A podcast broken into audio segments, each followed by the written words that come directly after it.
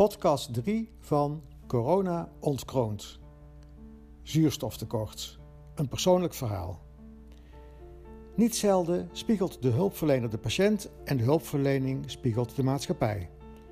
In maart 2020 is er ontreddering in de maatschappij, er is ontreddering in de hulpverlening. In deze podcast mijn persoonlijke verhaal van een weekenddienst op de dokterspost in de derde week van maart het toppunt van de coronacrisis in de eerste golf. Hoe de benauwde patiënt en de benauwde dokter elkaar spiegelen. Ik ben nog nooit zo blij geweest na een dienst dat ik naar huis mocht. Ik fiets met een hoofd vol indrukken naar huis. Woest trappend tegen de oostenwind. Blij met de kraakheldere lucht, de bijwerking van de lockdown. Wat was ik benauwd geworden? De kortademige patiënt observerend, ademend in een masker. Mijn eigen adem steeds opnieuw inademend, steeds korter inspireren. Geen inspiratie, verzwakt ademen. Ik zie de angst in de ogen van de patiënt. Ga ik dood, dokter? Ik word bang. Stel ik wel de goede diagnose, neem ik de juiste beslissing? Wordt deze patiënt morgen dood in bed gevonden en was ik de laatste arts? Ik grijp terug naar mijn objectiviteit. Ademhalingsfrequentie, zuurstofsaturatie, auscultatie van de longen.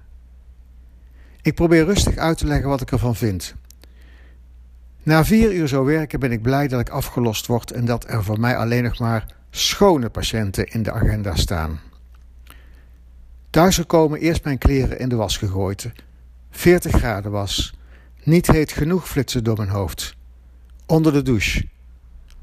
Ik blijf maar onder de douche staan, alsof ik daarmee iedere vorm van besmetting wil wegspoelen. Ik voel me vies.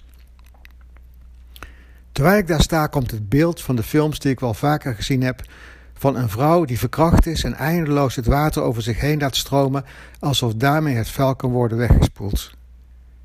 Verkracht ben ik niet, wel ontkracht. Ik heb niets te bieden. Wat ik nogmaal nog te bieden heb in hopeloze situaties is een luisterend oor. Maar nu ik een schort, haarnetje, spatbril en masker draag, ben ik ondaan.